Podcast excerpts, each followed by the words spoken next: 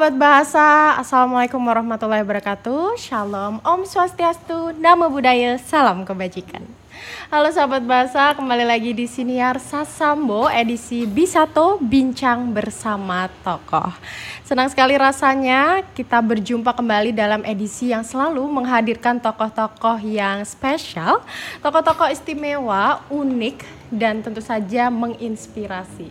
Begitu pula pada hari ini kita sudah kedatangan satu tokoh yang tidak kalah luar biasanya dengan tokoh-tokoh yang sebelumnya sudah kita undang karena tokoh ini telah mengharumkan nama Nusa Tenggara Barat di kancah nasional. Sebelumnya kita sudah pernah berbincang-bincang dengan Bang Kiki Sulistio, dengan Kak Irma Agianti, karena um, menyabet atau mendapatkan penghargaan dari Kusala Sastra. Sekarang bukan puisi, namun naskah teater yang mendapatkan penghargaan dan penulisnya adalah putra daerah dari Nusa Tenggara Barat. Langsung saja kita sambut. Ini dia De Galih Mulyadi, pemenang naskah terbaik Rawayan Award 2022 yang digelar oleh Dewan Kesenian Jakarta. Selamat sore Mas Galih Mulyadi. Selamat sore Mbak. Selamat sore. Apa kabar Mas? Alhamdulillah udah kering nih. Oh udah kering ya? Habis kehujanan tuh dari KLU hujan sampai Mataram. Wah luar biasa. Ini jauh-jauh datang dari Lombok Utara untuk bertemu dengan sahabat bahasa di sini dan membagikan uh, pengalaman-pengalamannya yang tentu saja juga luar biasa terkait uh, penulisan naskah teater sahabat bahasa sebenarnya saya ini sedang deg-degan sekali karena Aduh.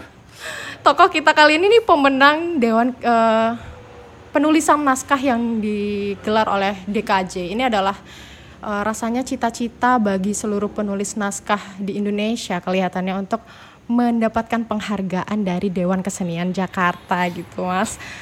Kalau Mas Galih sendiri bagaimana perasaannya ketika kemarin uh, dinobatkan gitu sebagai peraih penghargaan naskah terbaik? Mas. Uh, saya bilang saya seperti mimpi sih dari tadi saya ngomong kayaknya saya ini masih mimpi gitu. Dan ketika dibilang tokoh pun tadi sebenarnya uh, agak berat sih untuk menyabet gelar sebagai tokoh itu. Karena apa ya? Saya nulis kemarin itu juga tidak punya ekspektasi yang berlebihan untuk sampai di uh, pemenang terbaik gitu. Tapi ketika mendapat kabar, saya hanya dapat kabar loh mbak ya, karena pada saat acara malam pengumuman itu saya lupa, siangnya saya lupa, saya baru ingat malam. Tapi ketika saya mau masuk ke dalam zoom itu udah telat, udah diumumin gitu. Dan saya dikasih tahu sama seorang temen, saya masuk di tiga naskah terbaik. Saya nggak percaya, saya bilang, Allah jangan bohong kayak gitulah. Tapi dikirimin saya screenshotannya tetap saya bilang ah ini kan belum pengumuman hmm. baru dimasukin nominasi-nominasi gitu. Akhirnya saya tonton YouTube-nya bener. Ternyata saya masuk di tiga terbaik gitu. Dan saya bilang sampai malam juga saya nggak berani ngebagi info apa-apa. Saya hmm. bilang ya saya tahu sih bener saya dapat juara cuman saya masih agak ragu gitu. Kayak kayak mimpi lah. Hmm. baru saya bisa bilang itu saya dapat bilang itu penghargaan yang luar biasa pagi baru saya bagi info ke teman-teman kalau saya dapat penghargaan itu dan ya luar biasa lah seperti kata Mbak tadi ini diharapin sama semua penulis lakon lah. Betul. Tapi ketika ini didapatkan oleh seorang yang tidak berharap kan jadi unik. Okay. saya tidak berharap banyak, cuman saya sering mengikuti beberapa uh, lomba sayembara. menulis sayembara mm -hmm. gitu. Dan selalu begitu, saya tidak pernah punya ekspektasi berlebihan. Mm -hmm. Asal saya menulis, saya menulis saya menikmatinya lalu saya mengirimnya ketika mendapat penghargaan ya alhamdulillah ketika tidak paling tidak nama saya sudah masuk di antara teman-teman yang menulis di nasional Betul. gitu aja biar Lombok ditahu dan Lombok Utara juga ditahu ada penulisnya gitu aja sih mbak oh, Ih, luar biasa. Tidak pernah berharap apa pun ya, Mas. Ya, ya itu kuncinya sebenarnya. Jadi mau hasilnya seperti apa, yang penting sudah menulis juga sebenarnya. Ketika yeah. kita sudah menghasilkan satu karya itu sudah sangat uh, istimewa sebenarnya karena oh. tidak mudah untuk menghasilkan satu naskah apalagi ini naskah teater. Kalau uh, puisi mungkin masih agak pendek-pendek meskipun penciptaannya juga Iya. tidak semudah itu seperti uh, tentu saja gitu. Tapi kalau naskah teater selesai aja itu sudah bersyukur sekali sebenarnya. Kalau saya sih kalau menulis ya menulis menulis naskah teater itu nggak kayak teman-teman yang lain kan. Hmm. Kalau teman-teman penulis yang lain misalnya cerpen, puisi itu mereka bisa menulis tetap dan langsung mengirim karya mereka gitu. Saya saya juga terinspirasi sama mereka sih. Dan sangat sangat berharap bisa seperti mereka, seperti Mas Kiki lah, kemudian Arianto, Ilda, kemudian teman-teman yang lain lah, yang di NTB. Ketika membaca eh, cerpen-cerpen mereka di surat kabar itu Iya. kalau bahasa kasarnya iri juga mbak ya tapi apalah daya kita nggak nyampe di situ saya juga menulis cerpen cuman Oh, nulis ya. tulisan-tulisan saya mungkin tidak tidak sebagus mereka gitu tapi saya menikmati lagi-lagi saya menulis cerpen itu karena saya guru mbak ya Hmm. jadi tulisan-tulisan saya itu memang banyak mengambil ide dari keseharian saya kemudian apa yang saya lihat di sekeliling saya dan banyak nilai-nilai pendidikannya jadi ketika saya sudah menulis kadang-kadang saya kirim juga untuk untuk surat kabar dan Hmm. perlombaan pernah sih dapat di FKIP Unram kemarin luar ketiga kayaknya Memang sudah sering ya. tapi intinya saya nulis itu di situ ada kegelisahan saya lalu pasti ada nilai pendidikannya. Nah, itu Hmm. bisa saya sebar ke anak-anak didik saya sebagai contoh lah. Kemudian isi dari atau pesan dalam cerpen itu bisa mereka ambil untuk kehidupan mereka gitu. Oh. Tapi untuk sampai di teman-teman seperti selalu terbit setiap hari mungkin karena saya bukan Berat ya? penulis, Mbak ya. saya saya nggak berani bilang saya penulis sih Oh, gitu ya. saya cuman menulis di sela-sela waktu dan ketika memang saya harus menggarap sebuah pementasan pasti saya menulis karena saya orangnya lebih senang menggarap naskah saya pribadi mbak itu daripada eh, naskah-naskah para penulis lain mungkin karena ketersediaan naskah juga sedikit untuk untuk untuk kami gitu karena beberapa naskah yang saya baca itu itu melulu mungkin juga saya kurang mencari sih itu sih alasan saya mbak Gitu. Wih, luar biasa ya ternyata pengalaman eh, dalam kepenulisannya juga sebenarnya sudah banyak meskipun tidak mau dibilang sebagai penulis Iya. nih, hanya menulis saja. Nah Mas eh, berbicara tentang menulis nih, bagaimana sih awal mula Mas eh, terjun ke dalam dunia ini? Kenapa Mas memilih untuk menulis dan kenapa naskah teater gitu Eh, yang paling digeluti saat ini kan memang teater gitu ya? Iya. Bagaimana awal mulanya? eh saya mulai menulis naskah teater itu di 2007 kalau nggak salah. Eh, Tetapi yang namanya naskah teater kan tidak seperti kita nulis puisi gitu. Jadi bisa cepet kita ngasilin sebuah puisi.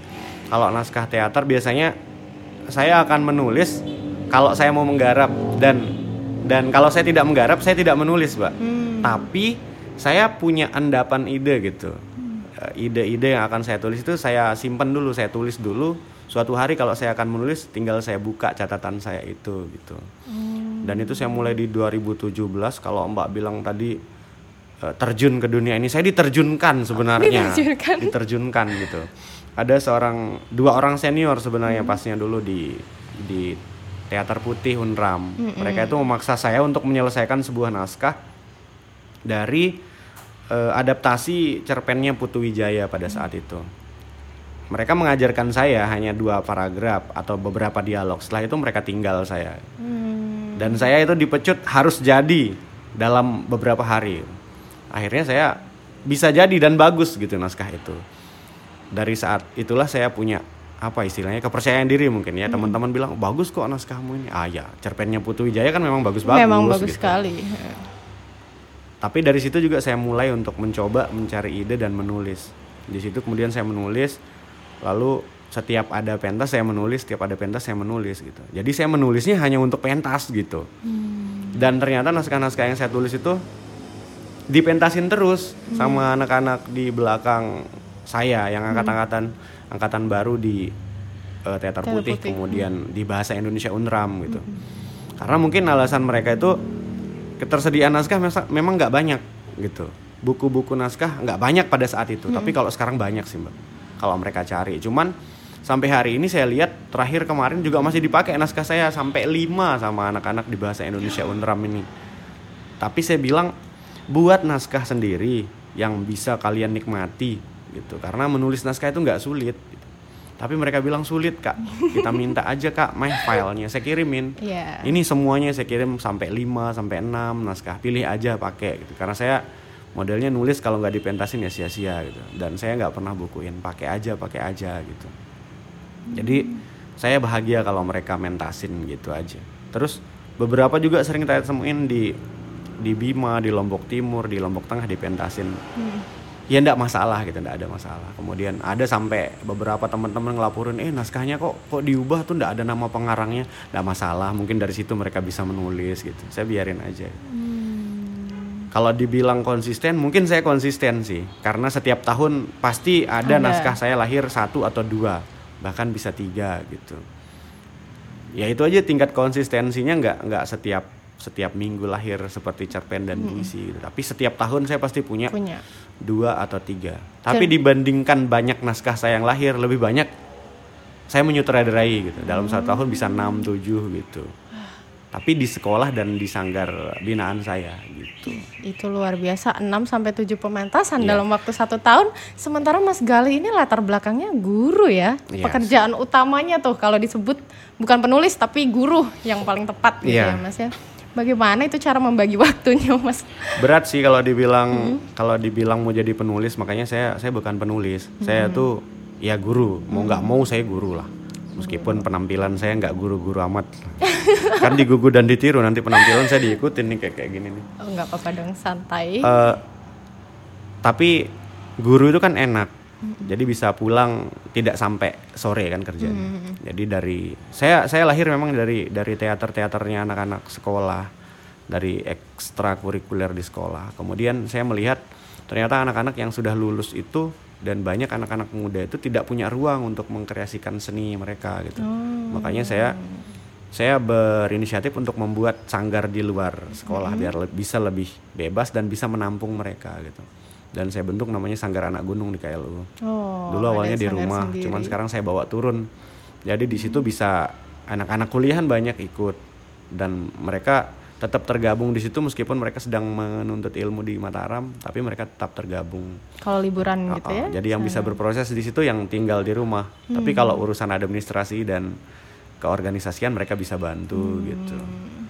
Itu. Luar biasa aktivitasnya, kesibukannya ini sebenarnya banyak, banyak sekali dan tentu saja ini eh, tidak diragukan lagi ya ketika eh, latihannya, anggap saja itu latihan ya ketika menulis di mana-mana itu Mas menghasilkan banyak karya dan eh, menyutradarai banyak pementasan, tidak diragukan lagi sehingga bisa menghasilkan satu karya yang kemudian dinobatkan sebagai eh, peraih naskah terbaik di DKJ ini yang tadi belum saya sebut judulnya judulnya adalah Bilai ya Mas ya Bilai. Bilai Iya, Bilai betul. pengucapannya Bilai gitu Iya. nah eh, Bilai ini apa Mas Eh, apa yang diceritakan di naskah Bilai ini dan kata Bilai sendiri tuh apa sih sebenarnya Mas mungkin bisa diceritakan Iya. isinya dan Eh, sebenarnya saya bilang ke teman-teman banyak yang minta sih setelah ditahu dapat penghargaan tuh Iya. banyak yang minta. Tapi naskahnya kan hilang gitu. Terbakar sama laptop saya kemarin pas bawa mahasiswa. Beruntung ada seorang mahasiswa yang nyimpen yang saya bimbing untuk penulisan lakon di Peksiminas. Tapi saya tidak kirim. Kenapa? Alasan saya kalau teman-teman baca ini nanti kaget, kok bisa dapat juara gini rupa naskah gitu. Karena naskah itu memang biasa aja kok. Biasa aja seperti naskah-naskah saya yang lain. Bila itu artinya miskin, miskin Bila banget gitu. miskin. Oh. Miskin. Eh, itu istilah di Lombok Utara dan tidak semua orang Lombok Utara me- memahami istilah ini. Salah satunya di kampung saya dan beberapa kampung lain memahami bilai itu suatu keadaan yang benar-benar terpuruk kemiskinan ya, kemiskinan parah lah gitu. Sering disebut orang bilai, orang miskin berarti ya. Gitu. Terus eh, naskah ini juga bercerita tentang kehidupan sebuah keluarga yang yang miskin gitu. Tapi kemiskinan di sini dalam tanda kutip tidak hanya tentang materi materi gitu. Tapi lebih kepada kemiskinan pengetahuan iya, isi kepala iya, moral iya gitu. Jadi banyak lah Iya, iya. masuknya istilah bilai itu di dalam naskah ini. Tapi kalau dirunut dari awal istilah bilai itu artinya ya miskin gitu, miskin, Miskin. banget gitu. Miskin banget. Dan itu Itu sih. yang diangkat oleh Mas. Kenapa kemudian kemiskinan ini menurut Mas harus sekali diangkat sebagai topik dalam naskah ini, itu Mas? Eh, Apa yang Mas lihat dari beberapa naskah saya sebelumnya juga tema saya nggak jauh-jauh beda, Pak. kemiskinan? Kemiskinan dan lokalitas, Lokalitas. di Lombok Utara gitu. Kenapa sih lokalitas Lombok Utara? Ya karena orang sana saya, saya orang sana gitu. Betul. Eh, dan dan Lombok Utara itu menarik gitu. Lombok Utara itu menarik. Lombok Utara itu kayak kata temen tuh cantik dan perawan kata mereka gitu. Karena budaya di sana kan unik gitu. Ada masih banyak budaya yang yang di sana itu yang orang sini tidak punya atau beda bentuknya gitu. Apalagi kalau sudah nyebut bayan kan. Hmm. Dan dari segi bahasa aja misalnya bahasa kami di sana ndak bisa dipahami sama orang sini. Sini jauh sekali gitu Oh, oh, ya. bahasa sasak kami, tapi bahasa sasak orang sini bisa kami pahami gitu. Makanya banyak yang bilang Lombok Utara itu memang kayak inspirasi Orisinal. gitu. Tapi lebih daripada itu mungkin naskah ini lahir memang dari diri saya, Mbak, karena saya memang orang miskin gitu. Sampai hari ini pun masih miskin. Saya lahir dari keluarga yang yang boleh dibilang miskin karena sampai sampai kuliah pun saya masih ngutang sana sini, Mbak gitu. Dan itu juga mungkin yang membuat naskah ini menjadi mungkin boleh dikatakan kuat lah. Karena saya merasakan sendiri perasaan kemiskinan itu. Cuman di situ lalu saya bumbui dengan banyak hal, banyak peristiwa dan banyak konflik. Eh, tapi terlepas dari itu, sumber inspirasi utama naskah ini sebenarnya memang dari kampung saya pribadi. Tetapi saya bilang eh, konflik ini boleh terjadi, permasalahan ini boleh terjadi di kampung saya pribadi, tapi saya yakin juga banyak terjadi di tempat lain gitu. Kemiskinan materi, kemiskinan pengetahuan yang akhirnya membuat kemiskinan yang lain Nah, dan yang lain-lain. kemiskinan moral itu terjadi gitu. Eh, kalau mau diceritakan panjang sih Panjang ya. ceritanya. ya intinya lah. Baik. di situ ada tokoh namanya Jukalip. Itu sudah sampai di titik depresi mungkin. Karena dia itu sudah sudah saat ini miskin gitu. Tetapi kemiskinannya disebabkan oleh beberapa hal pada saat dia muda gitu. Dia itu eh, awalnya banyak kebun banyak tanah garapan gitu tetapi eh, karena kebiasaannya dan kebiasaan orang-orang di kampung saya banyak mbak ini real ini Eh, mereka itu banyak yang suka dulu nih dulu kalau sekarang sudah berkurang banyak yang suka main judi kemudian minum gitu. Dan itu dimanfaatkan oleh mohon maaf dulu ada pendatang dari Bali di situ ada kampungnya di dekat rumah saya. Mm-mm. Mereka itu kan memang sudah lebih dulu paham pertanian kan. Mereka paham ilmu pertanian. Jadi orang-orang di sana dulu nggak terlalu paham pertanian. Mereka punya kebun tapi tidak bisa digarap gitu. Kemudian datanglah orang-orang Bali itu mengajarkan perkebunan itu. Mereka tahu tentang kakao tahu tentang buah-buahan tahu tentang kopi, Kopi. kalau kita belum kita masih lambat. Jadi mereka merasa bahwa kebun mereka itu tidak tidak terlalu berharga karena masih kayak hutan gitu tapi itu kan penyebabnya adalah kemiskinan, Kemiskinan. pengetahuan mereka tentang Betul, itu dan Kufur. tertutup kehidupan mereka tuh banyak yang tertutup gitu. Nah, karena kebiasaan mereka yang sering berjudi, mabuk-mabukan gitu. Dan mohon maaf eh, teman-teman yang datang dari luar itu kan memang punya bukan budaya, kebiasaan sih kayaknya ya. Nggak nggak menjadi suatu hal yang tabu kalau untuk mereka misalnya minum, kemudian main sabung ayam dan sebagainya gitu. Dan setiap acara keagamaan mereka kan sering yang seperti itu ada ada kegiatan-kegiatan gitu. Betul. Nah orang-orang di kampung saya tuh ikut gitu, banyak yang banyak yang ikut. Nah itulah momen-momen itu ketika mereka kalah mereka ngutang, main lagi ngutang lagi dikasih ngutang terus. Pada akhirnya kebun mereka itulah yang digunakan Hilang. untuk membayar, miskinlah dia. Itu sih konflik awalnya yang sebenarnya saya ingin gambarkan bahwa eh, di sini tidak tidak salah, tidak menjadi salah siapa yang datang atau siapa yang membuat mereka berutang. Yang salah kan pribadi Iya, mereka yang betul. tidak tidak paham tentang ilmu pertanian dan sebagainya. Mereka tidak paham kalau mereka punya anugerah dari Tuhan berupa tanah yang mereka garap. Mereka tidak bisa menggarapnya. gitu. Sampai akhirnya saya banyak menemukan sampai sekarang masih ada nih orang-orang tua yang saya bilang orang-orang tua yang kalah di kampung saya gitu. Mereka hanya punya kejayaan masa lalu dengan luasnya kebun mereka gitu. tapi sekarang mereka terlunta-lunta tuanya karena mereka tidak punya tidak punya uh, pemahaman yang lebih dulu dan lebih menikmati yang seperti itu sampai hari ini masih saya temukan di situ gitu. Masih saya temukan ya. Tapi it, itu konflik realnya. Tapi saya bumbui lah, saya bumbui dengan banyak konflik di dalam cerita itu. Jadi konfliknya tajam lah ketika si si uh, Jukalip itu menikah dengan seorang janda dan punya anak anak masih gadis. Lalu si ga, anak gadisnya ini memang lahirnya tidak bisa melihat gitu. Lalu mereka dapat anak, kemudian anaknya itu juga tidak waras hmm, dia agak apa kekurangan. kakinya tidak bisa jalan sempurna tangannya gitu hmm, hmm, hmm. jadi kalau bicara naskah mungkin orang sutradara akan baca itu oh kuat karakter karakter ya, tokohnya dari gambaran mudah ya, fisik gitu. mudah oh. untuk digambarkan. Oh, terus si cewek inilah yang jadi bahan apa ya istilahnya? Nanti uh, tingkat depresinya si Jukalip ini stresnya itu jadi tinggi karena setiap hari dia dia kalah main judi lalu dia ingat kejayaan masa lalu saya ini orang kaya tapi sebenarnya dia udah miskin gitu. Dan dia merasa selalu ditipu. Misalnya dia jual tanah lalu dia tanda tangan surat jual beli di di sana ditulis 5 juta dia nggak bisa baca tulis kan dibohongin sama orang. Itu yang buat dia emosi. Dia baru tahu dia bohongin ketika dikasih tahu sama orang.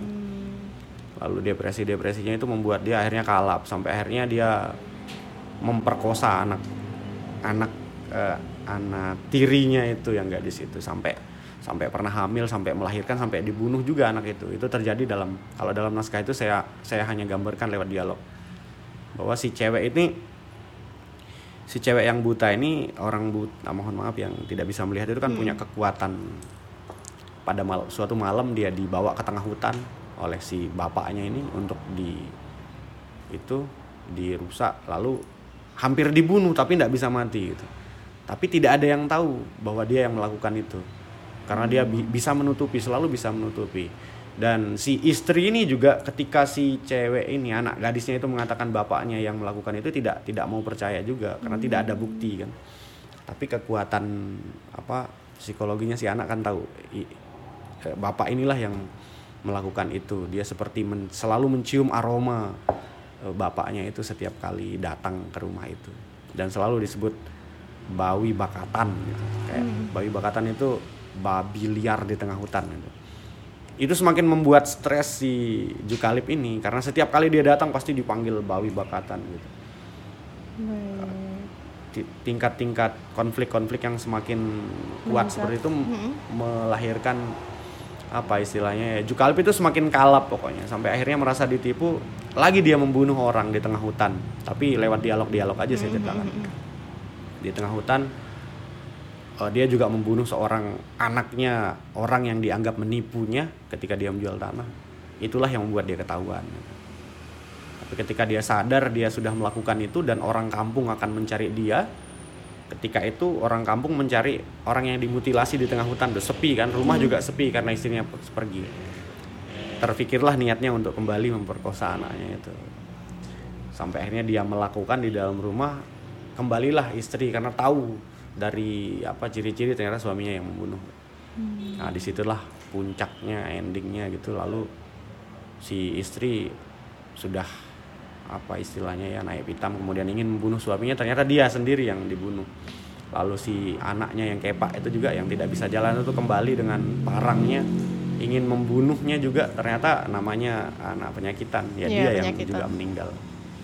Sebenarnya di antara tingkat ya, depresinya Jukalip itu dia punya dia punya penyadaran diri sebenarnya. Dia punya tembang-tembang yang dia tembangkan ketika dia mabuk. Dia mencari mencari sesuatu yang bisa menguatkan dia gitu kayak ya, sebenarnya Tuhan gitu. Dia hmm, mencari itu dia mencari itu. Tapi dia tidak men memenangkan itu di dalam dirinya. Dia kalah. Dia sadar dia sedih ketika membunuh anaknya itu tapi dia kalah gitu. Akhirnya itu yang membuat dia endingnya juga dia gantung diri gitu. Pokoknya saya lucu aja sih sebenarnya cuman nggak tahu lah kalau kenapa bisa menang. Mungkin kekuatan kelokalannya di situ. Lalu ketika catatan dewan juri juga bilang e, beberapa naskah yang tiga terbaik itu salah satunya punya kekuatan di dramaturgi ya kemudian e, penggambaran Toko? artistik gitu. Hmm, Jadi saya di situ menggambarkan agak detail tentang artistik. Cuman terjadi di dalam rumah sih. Cuman rumahnya itu saya ambil memang rumahnya orang Sasak yang dulu banget gitu. Jadi ada istilahnya ada ada ada perapian tungku api dari tanah, kemudian ada apa kalau bahasa saya tuh pepa di atasnya yang sudah menghitam. Lalu ada tempat naruh nasi. Pokoknya saya gambarkan detail. Oh, gitu. detail ya. Heeh. Mungkin di situ sih Wah, kekuatannya. jadi- Kalau orang sini makanya kalau saya bilang tadi kalau orang Lombok yang baca ini nggak ada suatu hal yang Biasa wah saja gitu apalagi ya. orang Lombok Utara yang menengah ke bawah. Oh, ini rumah saya dulu pasti seperti itu. Kalau saya bilang, oh itu juga rumah saya dulu, rumah saya pribadi. Tapi kalau orang Jakarta yang mungkin wah gimana nih agak sulit mungkin buat mereka gitu. Baik. Itu tadi kekuatannya ya. Ini dekat dengan realitas sebenarnya dan Iya. ini Mas hidup juga di dalam lingkungan-lingkungan itu sebenarnya ada di sekitar Mas Galih dan itu kenapa mungkin penggambarannya bisa lebih detail dan real memang sehingga naskah ini kemudian uh, bisa menyabet penghargaan itu tadi gitu luar biasa sangat detail tadi dan memang kemiskinan menjadi isu yang sangat seksi gitu ya Mas ya Iya. Eh, dari penjelasan Mas tadi tuh saya mengingat salah satu naskah yang pernah dibuat juga oleh Bapak Putu Wijaya, judulnya Hah. Itu juga bercerita tentang kemiskinan. Nah, kalau dari Mas Galih, dalam penulisan naskah itu eh, adakah pengaruh-pengaruh gitu, Mas? Tokoh-tokoh lain yang menurut Mas itu mempengaruhi Mas Dalam menulis. dalam menulis gitu. Adakah tokoh itu dan siapakah dia? eh kalau dari gaya realis sebenarnya tadi di siniar pertama tuh senior saya di teater putih gitu. Jadi kami di teater putih itu memang aliran kami realis konvensional. Jadi kami selalu lebih banyak main realis sih kalau pentas dan naskah-naskah yang kami pakai memang naskah-naskah realis gitu. Jadi dari situ juga mungkin saya mengalir untuk menulis itu. Kemudian kalau dicari tokoh sebenarnya kalau saya dibilang menyukai ya, saya menyukai Arianto Adi Purwanto, cerpenis dari Lombok Utara. Luar biasa. ya, ya. Karena saya bilang sama dia, Ri, saya nyontek dong cerpennya buat saya jadiin naskah, oh, silakan katanya. Dan dan dia juga orang yang sangat kuat dalam hal mem- me- apa istilahnya membawa kemiskinan itu ke dalam cerita-ceritanya gitu. Dan naskah ini naskah ini juga nggak nggak jauh-jauh beda dari yang sealiran lah kalau ngomong kemiskinan. Cuman kekuatan Arianto kan di narasinya. gitu. Dan kalau dilihat dari segi bahasanya kalau Mbak baca naskah ini, ya apa yang Mbak baca di cerpennya Arianto mirip sama apa yang Mbak baca di naskah Bila itu. Karena bahasa-bahasanya kan saya pakai istilah Dayan Gunung tuh banyak saya pakai di dalam naskah itu. Misalnya untuk menyebut Anda itu saya pakai EP. Kalau di sini kan side gitu. Side. Beberapa istilah di KLU memang sengaja saya munculkan gitu. Untuk menunjukkan kelokalan itu tadi Iya. ya, Mas. bukan bukan niatan bukan niatan utama untuk itu memang memang saya seneng dari beberapa naskah saya memang selalu saya memunculkan itu gitu. karena kalau orang kalau orang Jawa boleh make istilah mereka kenapa saya tidak Iya, gitu tentu saja bisa. kalau orang Mataram di Lombok yang lain boleh pakai side dan itu terkenal kenapa saya tidak pakai EP Iya, gitu. betul. dan banyak sih hal-hal yang dalam dari segi bahasa misalnya yang saya memang pakai bahasa Lombok Utara tapi saya buatkan dia catatan kaki gitu. Terus kalau tokoh di eh, naskah penulisan naskah lakon saya nggak tahu sih. Cuman saya saya pernah dilatih sama Pak Nano Riantiarno Wah, kemudian saya pernah apa, workshop ikut workshopnya Pak Nano Riantiarno kemudian eh, Arthur S. Nalan yang kemarin menjadi juri, Juri. kemudian eh, Agus Nur lalu ada dua lagi dosen isi saya lupa namanya mohon maaf. Dan semuanya punya punya model masing-masing ketika mereka memberikan materi dan materi mereka juga punya ciri khas masing-masing gitu. Dan mungkin saya dapat ide juga dari dari karya-karya mereka. Salah satunya mungkin Arthur S. Nalan. Pak Arthur S. Nalan tuh kesamaannya mungkin beliau beliau kuat sekali kalau sudah mengangkat lokalitas gitu. Apalagi saya saya lebih sering menggarap di SMA dan beberapa naskah monolog yang dilombakan untuk anak SMA itu banyak karyanya Pak Arthur. Saya pernah menyutradarai dua kayaknya yang judulnya Kayon Buyut. Kayon itu kan kalau Jawa lokal banget kan Kayan tuh kayu. main wayang itu Oh. segitiga apa gunungannya itu Oh gunungannya ya. terus apalagi ya yang naskahnya Arthur pokoknya banyak lah beberapa naskah Pak Arthur kemudian ya naskahnya Pak Putu juga banyak saya baca cuman beda lah kalau beliau kan dengan eh, gebrakan-gebrakannya gitu Betul. ya mungkin beliau sih berpengaruh dari dari pelatihan itulah saya banyak dapat dapat materi. Kemudian dari beberapa temen yang ikut pelatihan itu mereka kan punya gaya masing-masing Iya. tuh. Ada dari Jawa Barat Jawa Timur Jakarta Ban- dan sebagainya gitu. Ada 15 kalau nggak salah. Dulu sempat latihan bareng sama mereka selama 10 hari kalau nggak salah di Jogja. Terus setelah itu ada namanya PPLI kita bangun tuh tapi nggak jalan sih. Hmm. Perhimpunan Penulis Lakon Indonesia. Sempat sempat naskah kami pertama tuh ikut gabung di IDRF dulu Indonesian Dramatic Reading tuh di Jogja. Cuman setelah itu teman-teman dingin aja tapi saya tetap nulis meskipun dingin-dingin karena mereka punya kesibukan masing-masing. Tapi saya lihat memang mereka punya jalannya masing-masing. Beberapa di Jakarta saya sering temukan mereka juara untuk teater Jakarta Timur kemudian yang di eh, Padang mereka jadi dosen kemudian beberapa juga tetap aktif nulis gitu dan termasuk yang 15 besar kemarin saya nemuin satu juga teman di situ gitu jadi ya itu sih pengaruh-pengaruh teman-teman itu juga sih Pengaruh-pengaruh itu ya lingkungan gitu ya Ah. mas ya. Baik. Sebelum kita ke pertanyaan penutup nih mas, eh, saya ingin tanya terkait naskah teater karena kan sebenarnya kalau dibandingkan eh, prosa gitu ya, cerpen atau novel dan puisi gitu, naskah teater ini kan tidak sepopuler itu sebenarnya. Penulis naskah teater juga tidak sebanyak itu sebenarnya dibandingkan cerpen dan eh, puisi. Iya. Apa sih yang penting dari naskah teater? Itu tuh apa sih? Jadi teman-teman mungkin bisa terpantik untuk ada loh nih naskah teater tidak hanya cerpen, tidak hanya puisi, teman-teman juga bisa menggeluti bidang ini mungkin seperti itu. eh apa yang penting dari naskah teater ya Iya. Penulisannya. entahlah karena saya karena saya guru ya. Saya berpikir bahwa dari dari naskah itu saya bisa eh, menyusupkan ide saya tentang tentang apa pun gitu tentang suatu hal yang baik lah. Pendidikan kah agama kah gitu. Karena saya saya memahami nih saya pribadi agama itu tidak tidak mesti harus dipahami lewat ceramah-ceramah gitu. Jadi pengejawantahan dari dari ilmu-ilmu agama dalam bentuk ayat-ayat suci dan sebagainya kan bisa ditelurkan lewat berbagai macam bentuk gitu.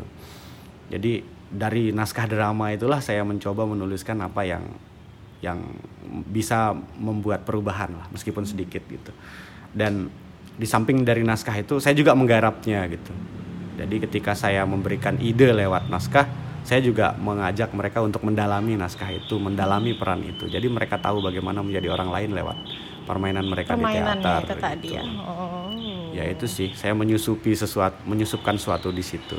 Iya. Ya mungkin begitu juga teman-teman yang menulis cerpen sama menulis puisi. Artinya saya tidak bisa mengatakan bahwa eh, saya menulis untuk menulis nggak bisa lah, gitu. Atau atau seperti Sutarji dengan eh, jangan diberikan makna terhadap teksnya gitu kan. Hmm. Nggak kalau yang saya tulis karena memang realis ya apa adanya gitu. Kemudian yang kedua mungkin eh, saya merasa banyak hal yang memang harus dituliskan di di Lombok Utara maupun dalam pandangan yang lebih luas gitu. Misalnya ketika kemarin pandemi Covid itu saya juga menulis judulnya Portal 19 itu agak Iya. agak nakal sih. Dan sudah dipantaskan juga ya Mas ya dengan teater putih. Jadi bisa jadi kritik saya juga lewat situ gitu. Selain ada nilai-nilai saya juga saya suka mengkritik gitu. Tapi saya nggak berani ngeritik. Saya melakukan pokoknya saya ingin membuat sebuah perubahan meskipun kecil itu aja sih kayaknya. Perubahan meskipun kecil Iya. apa pun bentuknya ya Mas ya bisa Iya. cerpen, bisa novel, naskah pun bisa dan ketika Iya. naskah teater ini kan tidak berhenti di situ ketika diciptakan dimainkan juga melibatkan banyak orang gitu kan di situ gitu ya Oh Mas iya ya. satu lagi eh, kayaknya kekayaan kekayaan budaya lokal itu kelokalan itu itu penting untuk diangkat gitu. Seperti Arianto mengangkat Lombok Utara dengan karya-karya cerpennya itu luar Iya. biasa.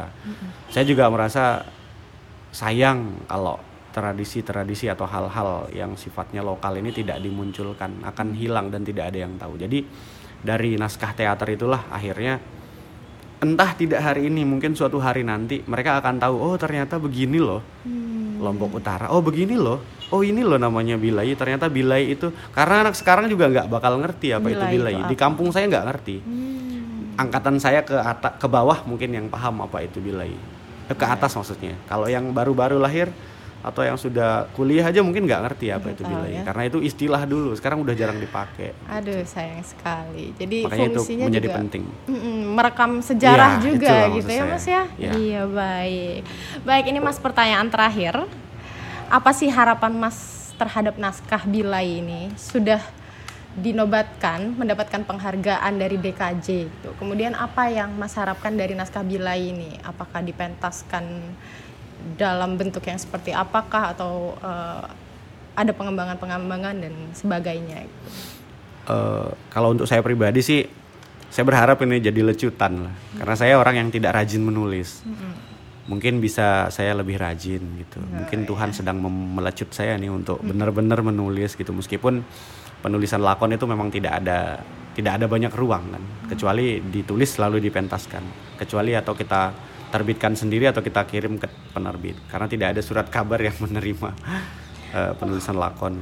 Betul betul. Kemudian kalau untuk uh, apa namanya se yang luas sebenarnya kemarin ada saya tanda tangan perjanjian sama pihak DKJ mm-hmm. gitu. Jadi ketika 2 2 sampai 3 tahun terakhir naskah ini kalau ingin dipentaskan harus memunculkan bahwa naskah ini adalah pemenang oh. di dalam sayembara uh, penulisan lakon DKJ hmm. gitu aja sih dan akan dibukukan gitu. Alhamdulillah. Kalau untuk masalah pentasnya sih yang namanya sutradara mereka punya hak sendiri hmm. untuk menginterpretasi naskah tersebut yeah, gitu. Betul. Entah mau dibawa ke yang seperti apa itu hak-hak mereka. Hmm. Tapi seperti halnya naskah-naskah yang lain teks itu hanya sebagai apa istilahnya pedoman. Hmm. Pengembangannya saya serahkan kepada sutradara, sutradara. dan gitu. Baik sudah lepas ya? Setelah itu sudah di tangan sutradara? Iya. Sudah lepas dari Mas baik itu luar biasa teman-teman. Itu tadi bincang-bincang kita bersama dengan Mas Galih Mulyadi. Di Galih Mulyadi pemenang dari uh, sayembara Rawayan Award 2022 yang diselenggarakan oleh Dewan Kesenian Jakarta. Tadi kita sudah mendengarkan betapa rendah hatinya uh, tokoh kita pada hari ini. Saya tetap ingin menyebutnya tokoh karena memang tokoh. Sangat rendah hati uh, penulisannya ini tidak diduga-duga ya Mas ya uh, bahwa akan memenangkan sayembara.